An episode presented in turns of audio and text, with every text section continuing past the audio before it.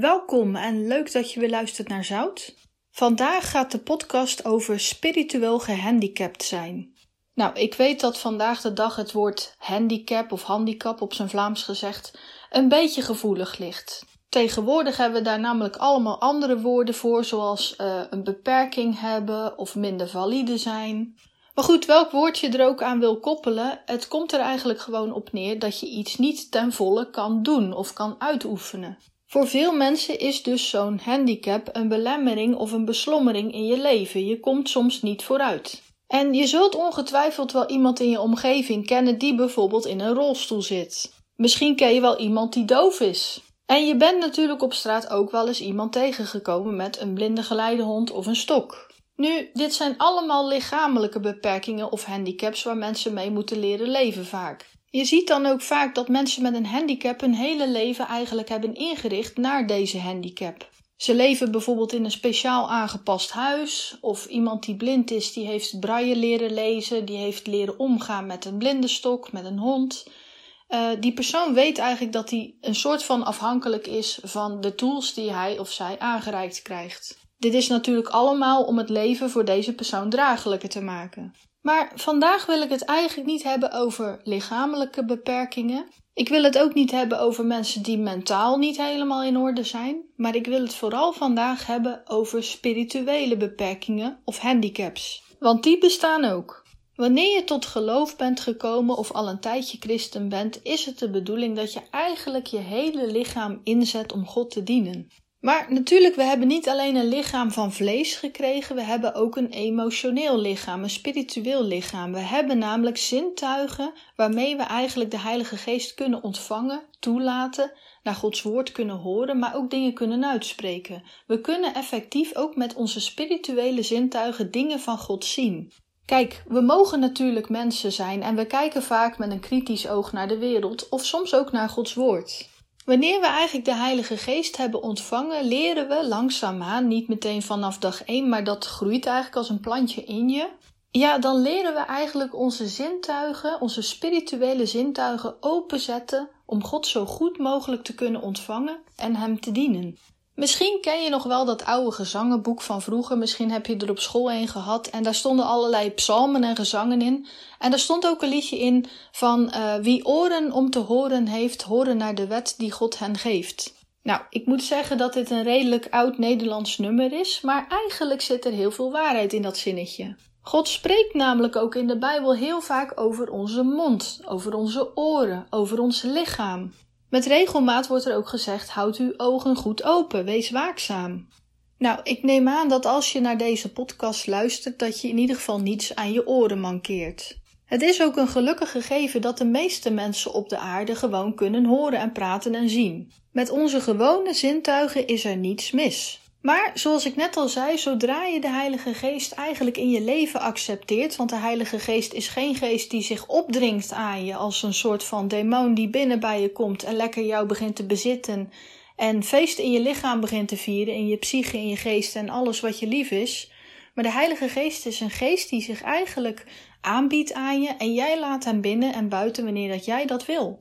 Dus als je effectief ook kiest om de Heilige Geest in je leven te accepteren, om ook te zeggen van begeleid mij op de weg die ik moet gaan, die God voor mij heeft uitgestippeld, dan kun je ook wel wonderbaarlijke dingen verwachten in je leven op het zintuigelijke vlak, op het vooral spirituele zintuigelijke vlak. Want je gaat eigenlijk lichamelijk nog steeds dingen ervaren, zien, meemaken. Maar je begint het eigenlijk te bekijken, zowel in het fysieke, dus in het vleeselijke, zoals ze dat in de Bijbel zeggen, maar ook in het geestelijke, in het spirituele. Wanneer je dus eigenlijk de Heilige Geest op een, ja, ik zal zeggen, eerbiedige manier zijn gang laat gaan, dan kun je ook grote werken in je leven verwachten. Dan zie je ook effectief, ik zie effectief wat deze Bijbeltekst betekent. Het leeft voor mij. Dingen komen meer tot leven voor je. Door je oren, door je ogen, door je mond, gewoon in je hele lichaam. Maar goed, zoals ik net al zei, bepaal jij eigenlijk wat er in je leven gebeurt. God heeft ons een vrije wil gegeven, een eigen mening. En zowel God als de Heilige Geest als Jezus zullen nooit iets doen wat jij niet wil. Waar eigenlijk de duivel en zijn demonen zich echt opdringen aan je, binnenkomen, ze onderkloppen, zeg maar. Zo zal Jezus altijd vragen of hij binnen mag komen. En het kan heel goed zijn dat je de Heilige Geest bijvoorbeeld al ontvangen hebt, maar dat jij toch een bepaalde beperking, een begrenzing op jezelf legt. Dit is nooit de Heilige Geest die dit doet. De Heilige Geest zal namelijk nooit iets doen tegen je zin. Hij zal nooit grote werken met jou uh, bewerkstelligen als je daar geen zin in hebt, als je ergens niet klaar voor bent of als je het niet ziet zitten. De Heilige Geest is geen dwingeland. Uh, maar jij kan wel een beperking op de Heilige Geest leggen van kijk tot hier en niet verder. En ja, zo komt het dus ook voor dat mensen spiritueel gehandicapt worden. Gods grootste wens is eigenlijk dat jij je leven aan Hem toevertrouwt. Dat je zegt: Heer, hier is mijn leven. U heeft eigenlijk uh, carte blanche. U mag alles doen wat u in mijn leven wil uh, bewerkstelligen. Eigenlijk mag u ja, vrij spel uitvoeren met mij. Doe uw wil in mij, Heer. Maar als je daar eigenlijk op tegen bent en je hebt zoiets van, nou ja, dat zal ik zelf wel beslissen hoe ver ik ga en uh, nou daar wil ik niks van weten, dat woord neem ik niet aan, daar luister ik niet naar en daar ga ik mijn grote mond over geven, dan word je dus spiritueel gehandicapt. Je moet ook zien dat dit geen straf van God is van oké, als het zo zit en ik mag mijn wil niet in jou doen, dan zorg ik dat jij achterblijft. Dit doet God niet, dit doe je helemaal zelf. Want als je net als een plant wil groeien, dan heb je zonlicht nodig. En als je Gods licht niet op je leven laat schijnen, dan zul je niet verder groeien. God gaat nooit iets tegen je zin doen. Als jij zegt: Ik wil een klein plantje in het geloof blijven, dan zal God jou daarin laten. Dus ja, als je effectief de Heilige Geest beperkingen op begint te leggen, dan kun je dus te maken krijgen met bijvoorbeeld spirituele blindheid. Spirituele blindheid houdt eigenlijk in dat je niet meer ziet wie God voor jou is. Je ziet wel wonderen en tekenen bij anderen om je heen, maar in je eigen leven ben je er duidelijk blind voor. Je ziet niets bijzonders gebeuren. Op vlak van geloof gebeurt er heel weinig met je. Je ziet jezelf niet meer vooruitkomen. Je ziet jezelf niet meer groeien. Maar wat je vooral eigenlijk niet ziet, is je eigen aandeel hierin. Je krijgt een beetje de indruk dat God een oneerlijke God is geworden, die druk bezig is met anderen te verwennen, maar jou links laat liggen. Wanneer je ook spiritueel blind bent geworden, kun je ook niet meer het woord van God lezen zonder dat het voor je tot leven komt. Bijbelteksten of mooie verhalen lijken weinig aan je leven bij te dragen. Je ziet in de Bijbelfiguren geen rolmodellen meer. Je zoekt specifiek naar Bijbelteksten die in jouw voordeel uitdraaien. En de kwalijke dingen die je dan wel in de Bijbel leest, die zijn vooral op toepassing van andere mensen. Je bent eigenlijk blind voor je eigen imperfectie en gebreken in het geloof naar anderen. En het lijkt ook wel of je een dode hoek hebt voor je eigen blunders die je maakt in het geloof. Ja, spiritueel blind zijn is één ding, maar je hebt ook spiritueel slechtziend zijn. Je ziet een bepaalde vormgeving in het geloof die anderen duidelijk anders zien dan jij. Hier is op zich niets verkeerds aan, maar iemand die niet goed kan zien, heeft vaak niet goed onder de loep wat hij eigenlijk ziet. Wanneer er iemand met een helder beeld op de zaak komt en zegt: Je ziet dit verkeerd, sluit de spiritueel slechtziende christen vaak zijn ogen volledig tot hij niets meer ziet. Spirituele slechtziendheid kan ook juist zijn dat je te extravagante dingen van God verwacht. En het is ook wel een feit dat God in de Bijbel ook zegt: Ik doe grote wonderen en tekenen. En dat is nog steeds voor vandaag, want God is eigenlijk altijd dezelfde gebleven. Maar God spreekt ook altijd op een unieke manier met ons. Hij heeft namelijk een persoonlijke benadering voor ons allemaal. Het is niet zo dat jij kiest hoe God jou zal moeten benaderen. God weet dat namelijk beter dan jij. Wanneer je God bijvoorbeeld vraagt om een droom, dan zal God misschien je wel een keer een droom geven als je daarom vraagt. Maar het kan heel goed zijn dat God zegt: Jij vraagt om een droom, maar ik ga je iets anders geven. Zijn wil geschieden en geloof me, zijn wil is altijd de beste. Wanneer je dus eigenlijk God als een grote showmaster begint te zien en een enorme performance van hem verwacht, dan kan je soms bedrogen uitkomen. Zoals ik al zei, God laat dingen zien op zijn manier en niet op de manier hoe jij het in je hoofd hebt. Wanneer je dus spiritueel blind of slechtziend bent, kun je deze tekenen en wonderen en ook misschien mensen die een woord voor je hebben mislopen. Je ziet gewoonweg niet dat mensen dingen van God komen brengen aan je. Wonderen en tekenen zitten soms in het alledaagse en in het gewone. Maar jij let te veel op de details of juist op een grote show die niet komen gaat. Ja, dit is allemaal spirituele blindheid of slechtziendheid. Maar zoals je blindheid hebt, heb je ook spirituele doofheid of slechthorendheid.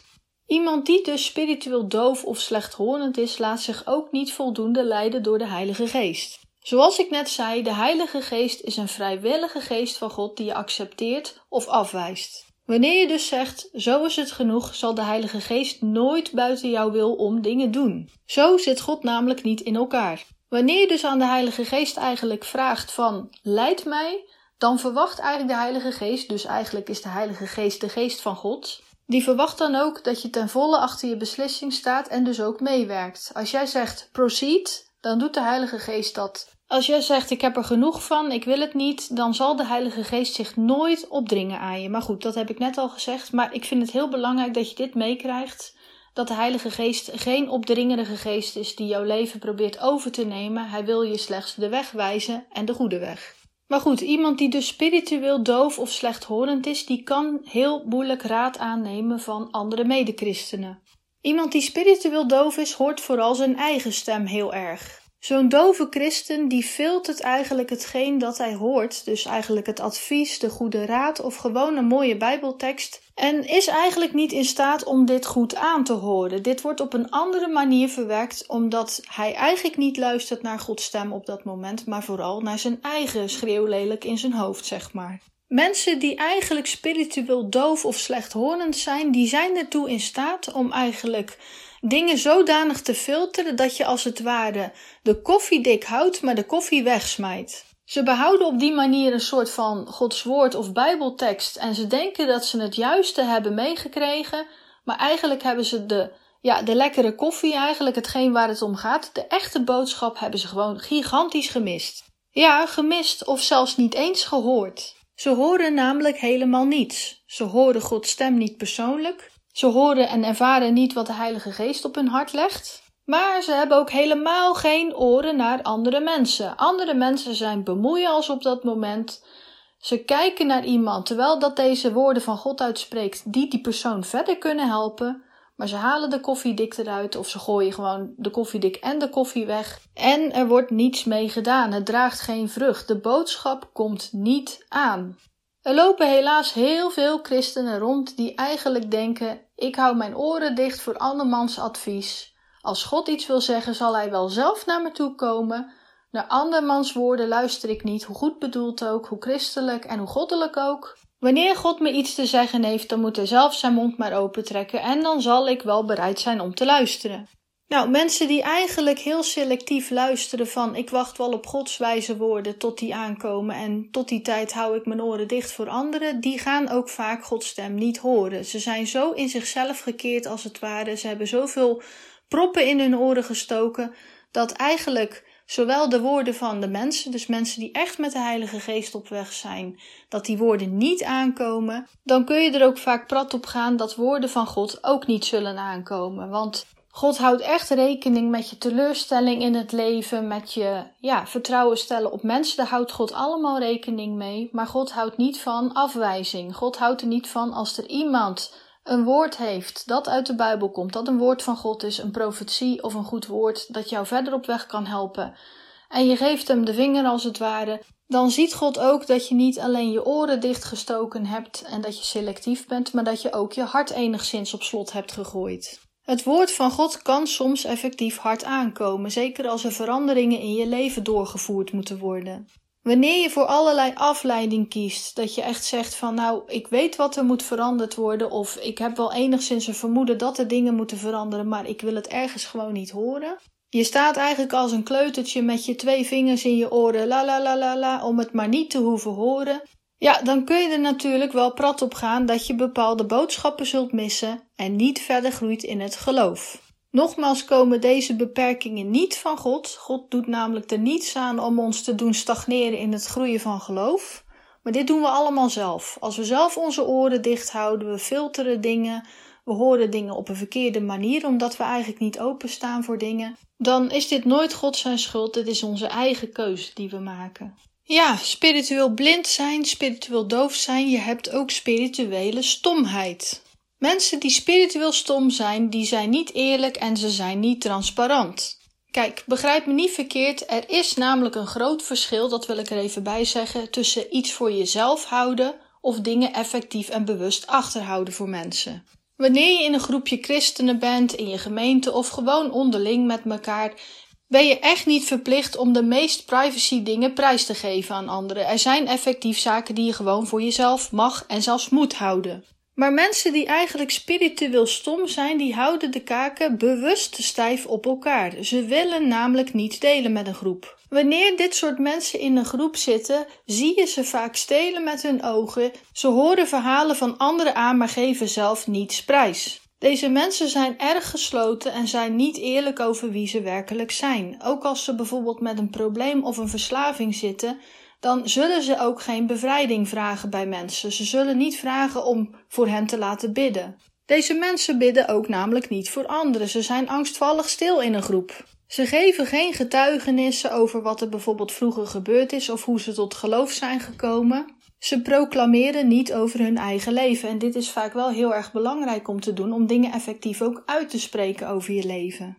Nou, iedereen in het geloof kent vast wel die stille Willy of die stille Wendy. Maar dit gaat niet zozeer over introvert zijn. Je hebt nou eenmaal mensen die zich een beetje op de achtergrond houden. Ze hebben vaak een iets nederige ja, uitstraling. Maar met gewoon een beetje rustig en stil zijn is er niks mis. Ook als iemand moeite heeft om dingen in een groep te delen, dan kan ik dat heel erg begrijpen. Ik heb zelf vroeger ook problemen gehad om dingen in een groep te delen. Sommige dingen waren gewoon te gênant voor woorden om dat eventjes in een groep te delen met mensen. Maar om vergissingen te voorkomen heb ik het niet over mensen die niet durven delen of het gevoel hebben dat ze er niet mogen zijn, dat ze het nog niet kunnen prijsgeven, maar over mensen die heel doelbewust eigenlijk zeggen: ik deel niets over mezelf. Alles wat er van mezelf is, is privé. Deze mensen kiezen er dus heel bewust voor om een gesloten boek in de kast te blijven dat er nooit wordt uitgepakt. Ja, en misschien zou je denken, ja, daar heeft een ander eigenlijk toch niet zoveel hinder aan. Dat is eigenlijk vooral de persoon zelf die niet echt vooruit komt.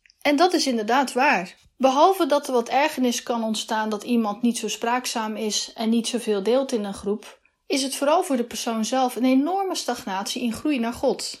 Wanneer je dus eigenlijk doelbewust geen openheid van zaken wil geven, dan zul je niet verder groeien. Dat is gewoon een feit. Dat is heel jammer. is voor jezelf jammer, maar eigenlijk indirect ook voor je omgeving jammer. Maar goed, waar je mensen dus hebt met spirituele stomheid, heb je ook mensen die spiritueel praatziek zijn.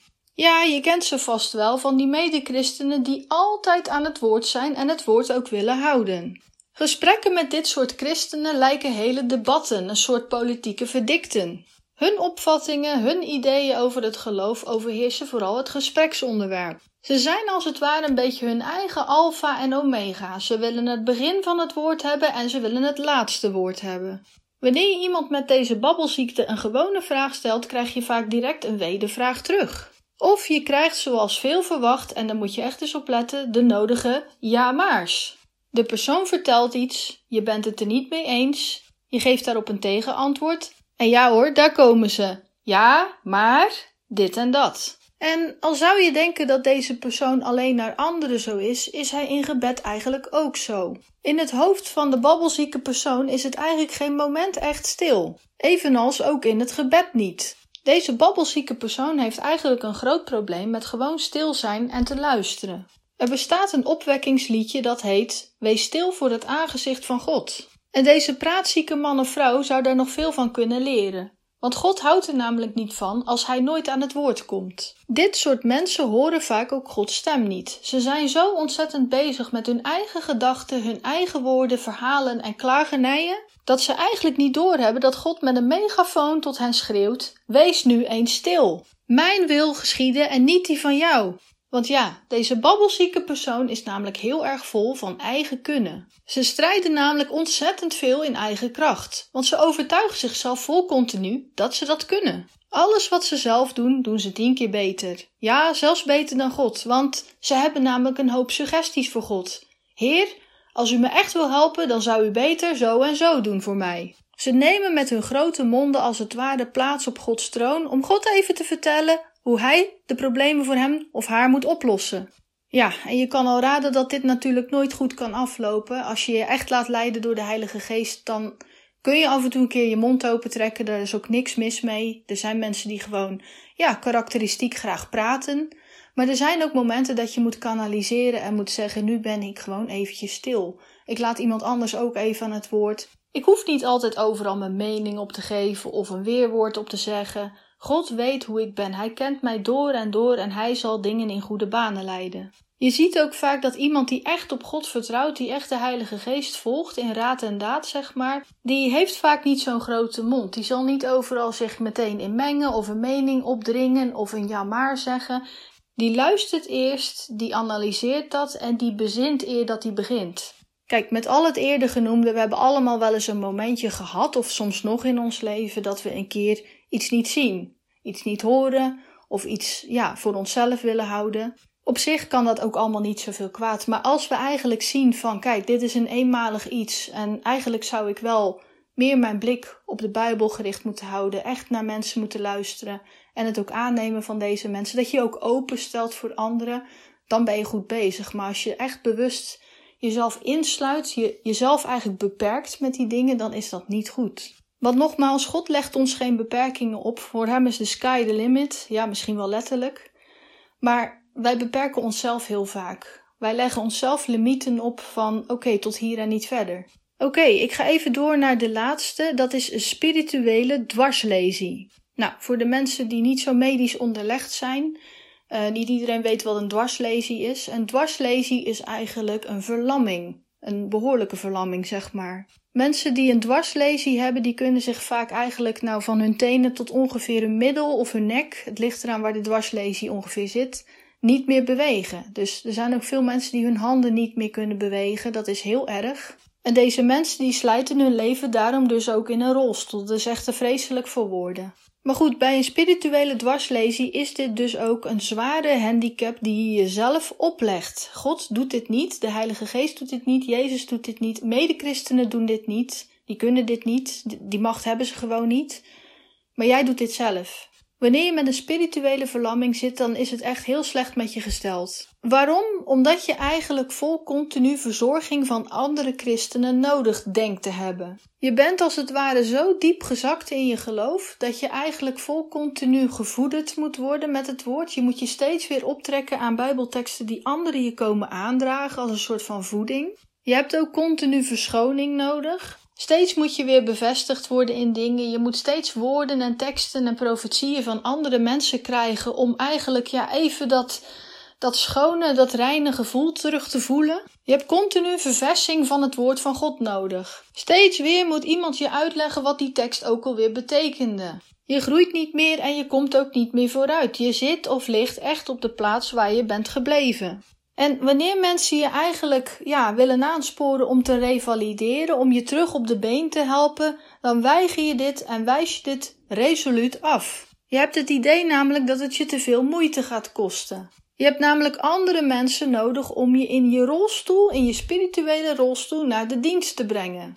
Ooit heb je wel iets van de Heilige Geest geproefd. Je hebt ooit het woord van God als levend ervaren, maar het leeft niet meer voor je. Het is doodgebloed. Je hebt, net als iemand die een echte dwarslesie in zijn leven heeft opgelopen, een zwaar ongeval meegemaakt. Door een verschrikkelijk trauma, een verschrikkelijke kwetsuur, een verschrikkelijke gebeurtenis heb je een spirituele dwarslesie opgelopen en je lijkt er niet meer van te genezen. Waar Jezus in de Bijbel zegt: pak je bed op, sta op en wandel, blijf jij liever liggen. Want ja, zeg nu zelf, als God, als Jezus, als de Heilige Geest echt zouden bestaan, dan zou ik hier toch niet met zo'n hoop ellende zitten. Je hebt een eigen rolstoel van zelfbeklag gebouwd. Je geloof is in je schoenen gezakt en het lijkt wel of je er niet meer uitkomt. En als je niet uitkijkt, zullen langzaam maar zeker al je zintuigen gehandicapt worden. De verlamming weegt namelijk zo zwaar op je dat er een demotivatie komt om dingen niet meer te willen zien, te kunnen horen, te kunnen uitspreken. En uiteindelijk, wanneer alles gesloten zit, je oren, je ogen en je mond, sluit uiteindelijk ook je hart. En veelal, wanneer dit punt bereikt is, vallen mensen van hun geloof. Ja, het is natuurlijk heel moeilijk wanneer je op een punt in je leven komt waar je dus eigenlijk vraagt: waarom moet mij dit overkomen? En dit is ook een heel menselijke vraag. Moest ik een kind verliezen, een partner of een verschrikkelijk iets meemaken dat mijn leven tekent, dan zou er eerlijk gezegd ook wel even in mij omgaan: Heer, waarom ik? Ja, God beweert in de Bijbel nooit dat ons geen leed kan overkomen. Hij belooft ons echter ook geen rustige vaart, maar wel een behouden aankomst. Maar let wel, God kan ingrijpen in lastige situaties. Dat is echt iets wat vaststaat, dat is iets wat zeker is. Maar God is niet verantwoordelijk voor de zonde, de ellende, de ziekte of de dood van iemand. God werkt namelijk ook niet met lievelingetjes, hè, bepaalde christenen die privileges krijgen van, nou, die zijn kinderen, die spaar ik voor een ongeluk en bij een ander laat ik het gewoon toe. God laat geen dingen toe. Er gebeuren wel situaties in de Bijbel waar God dus effectief dingen heeft toegelaten, maar er staat nooit dat God verantwoordelijk is voor dood, verderf en ziekte. En hoe het zit met beproevingen, daar heb ik eigenlijk geen antwoord op. Ik geloof niet dat God ziekte toelaat in je leven om jou een lesje te leren. God geniet er niet van wanneer je kind sterft. God wrijft absoluut niet in zijn handen als jouw partner je verlaten heeft. Nee, ook niet wanneer je daar zelf voor verantwoordelijk was. Je moet maar zo zien dat een goede vader, denk bijvoorbeeld aan je eigen vader, als je een leuke toffe vader hebt, denk bijvoorbeeld aan hem, dat hij vroeger nooit iets vergiftigds door je eten zou geroerd hebben om jou een lesje te leren. Je vader zou bijvoorbeeld ook nooit je kleine zusje hebben vermoord om jou eens iets te laten zien in het leven, hoe het ook kan. Om jou als het ware om te leren gaan met mensen die ook een zusje verloren hebben. Ja, dit klinkt natuurlijk te crazy voor woorden, maar zo werkt onze God, onze Vader in de hemel, dus eigenlijk ook niet. Waarom er precies dood, verderf en ellende op je pad is gekomen, weet ik niet. Veelal zijn we zelf verantwoordelijk voor ons eigen lichaam, hè, dus het onderhoud van ons lichaam, of we sigaretten roken of niet bijvoorbeeld. Maar we zijn ook grotendeels verantwoordelijk voor onze eigen veiligheid, of we kiezen ervoor om een gordel te dragen in de auto bijvoorbeeld of niet. Wanneer we zelf het besluit nemen om te beginnen roken en daardoor bijvoorbeeld ziek kunnen worden, of we doen onze gordel in de auto niet aan, we krijgen op dat moment een aanrijding en we zitten de rest van ons leven in een rolstoel, dan is dit natuurlijk ook iets wat we bij onszelf kunnen zoeken. Maar natuurlijk besef ik al te goed dat er ook onoverkomelijkheden zijn. Dit komt echter ook door de zondeval. Na het ongehoorzaam zijn aan God is er gewoon zonde in ons leven gekropen, in ons DNA. Ons DNA dat perfect was, is imperfect geworden, is verpest. Mensen ook in het verkeer kiezen ervoor om zich niet aan de regels te houden. Het lijkt ook wel of dat in ons DNA zit, om gewoon prominent alle regels aan onze laarzen te lappen. Ja, mensen gaan dronken achter het stuur zitten. Ja, mensen rijden door rood. Ja, mensen kiezen ervoor om anderen pijn te doen. En ja, ook gebeurt het dat mensen op elkaar uitgekeken raken en er ruzie van komt. Echtscheidingen, verlatingen, verstotingen. Wanneer je dit als christen meemaakt, ga je werkelijk door een hel. Iedere christen heeft wel iets verschrikkelijks in zijn leven meegemaakt, in meerdere of mindere mate. Iedere christen heeft al een spirituele hartaanval gehad. Een kleine of een grote. Sommige christenen kwamen daar weer bovenop. Ze gingen revalideren met het woord. Ze namen Jezus als een fysiotherapeut en de Heilige Geest was een persoonlijke verzorger van de ziel. Met de goede verzorging van de drie eenheid in je leven kom je er weer bovenop. Je hoeft niet te leven met een beperking. In Marcus 9, vers 23 zegt Jezus: Of ik iets kan doen. Alles is mogelijk voor hem die gelooft. En die tekst wil ik je vandaag meegeven. Geloven dat God je kan genezen is natuurlijk één ding, maar willen genezen dat is iets anders. In mijn podcast Ik wil niet genezen spreek ik vooral over lichamelijke kwalen, maar je kunt ook niet willen genezen van spirituele kwalen. Wanneer je lichamelijk gebonden bent aan ziekte, is dit natuurlijk heel erg voor je. In een hoop gevallen kan deze ziekte een bepaalde geestelijke of spirituele oorzaak hebben, maar ook in veel gevallen niet. Ziekte kan worden gedownload door een zondig leven in stand te houden, maar helaas zijn wij ook in een zondige wereld geboren, waardoor ziekte ook vrij spel heeft gekregen in ons leven. Ik zeg dus niet iedereen heeft schuld aan eigen ziekte, al klinkt het redelijk zwaar. Maar goed, uh, ik raad je aan om mijn podcast Ik wil niet genezen eens te luisteren en dan begrijp je wat ik bedoel. Maar je kunt er wel altijd mee naar God gaan. Wie lichamelijk een ziekte heeft, kan nog steeds heel sterk in het geloof staan. Maar wie spiritueel ziek is, kan lichamelijk ook kwalen krijgen en staat niet stevig in zijn geloof. Wie namelijk spiritueel gehandicapt is, die komt gewoon niet verder in zijn leven tenzij dat dit opgeheven wordt. Het is daarom belangrijk dat je naar God toe gaat en eigenlijk je zonde aan Hem beleidt. Zeg wat je verkeerd hebt gedaan en noem het ook bij het woord. Zeg ook: deze zonde heb ik gedaan. Wees hier ook niet vaag in. Zeg ook van: kijk, deze en deze zonde heb ik nou eenmaal op mijn kerfstok, Heer, en ik wil er vanaf. Vraag God dus om vergeving, beleid je zonde en vraag vergeving, maar vraag ook of je beperkingen mogen worden opgeheven. Zeg gewoon: Heer, spreek tot mij, laat mij horen, laat mij echt uw woord verstaan. Heer, laten mijn ogen alleen op u gericht zijn. Laat er alleen uit mijn mond ware dingen komen, maar zet ook zo nodig een wachter aan mijn lippen. Daar wordt eigenlijk mee bedoeld dat je moet kunnen inzien, hè, met Gods genade en Gods wijsheid, dat je in gaat zien wanneer je kan spreken, maar wanneer je ook moet zwijgen. Vraag ook of de Heer je opricht, of Hij je rug recht, of Hij je verlamming opheft. En geloof me, God ziet het hart aan. Als jij echt naar Hem toe gaat en je zegt: Heer, ik kan niet verder zo, ik ben zo beperkt. En ik weet dat het uw wil niet is dat ik hier verder blijf sukkelen in mijn eigen ellende, want uiteindelijk heb je vooral jezelf er ook mee. Wanneer God jouw integere hart aanziet, want God ziet altijd het hart aan, dan zal Hij iets voor je doen. God laat je niet zitten in je miserie, Hij is er juist voor je om je eruit te trekken, om eigenlijk van je beperking een onbeperking te maken. Want bij God is alles mogelijk. Maar besef ook heel goed dat Zijn wil zal geschieden. God kan dingen soms zo anders voor ogen hebben dan hoe jij het in je hoofd hebt zitten, dat hou je niet voor mogelijk. We denken vaak heel creatief te zijn met onze geest, dat we eigenlijk wel een heel goed inzicht hebben hoe wij het willen en hoe het ook zou moeten gaan. Maar weet heel goed dat God daarboven staat. God is zoveel creatiever dan dat wij zijn. Ik zelf kijk wel eens terug op een leven dat ik echt denk van, goh heer, toen had ik het zo en zo gevraagd en graag zo en zo gezien, maar u heeft het zo anders aangepakt. Maar het gaat werkelijk mijn ja, voorstelbaarheid te boven. Dit is zo creatief. Ik had het nooit zo aangepakt, maar dit is zoveel beter dan dat ik het zelf in mijn hoofd had zitten. Ja, dit wonder wil God voor jou vandaag doen. Leef niet langer met een beperking. Leef niet langer met een blinde stok die je niet nodig hebt. Met die proppen in je oren die eruit moeten. Of die vreselijke spraakwaterval die je bent. Wees stil voor het aangezicht van God. Beleid je zonde vandaag nog. Roep hem aan en hij zal antwoord geven. En je zult zien, je leven gaat erop vooruit gaan. Amen, Heer.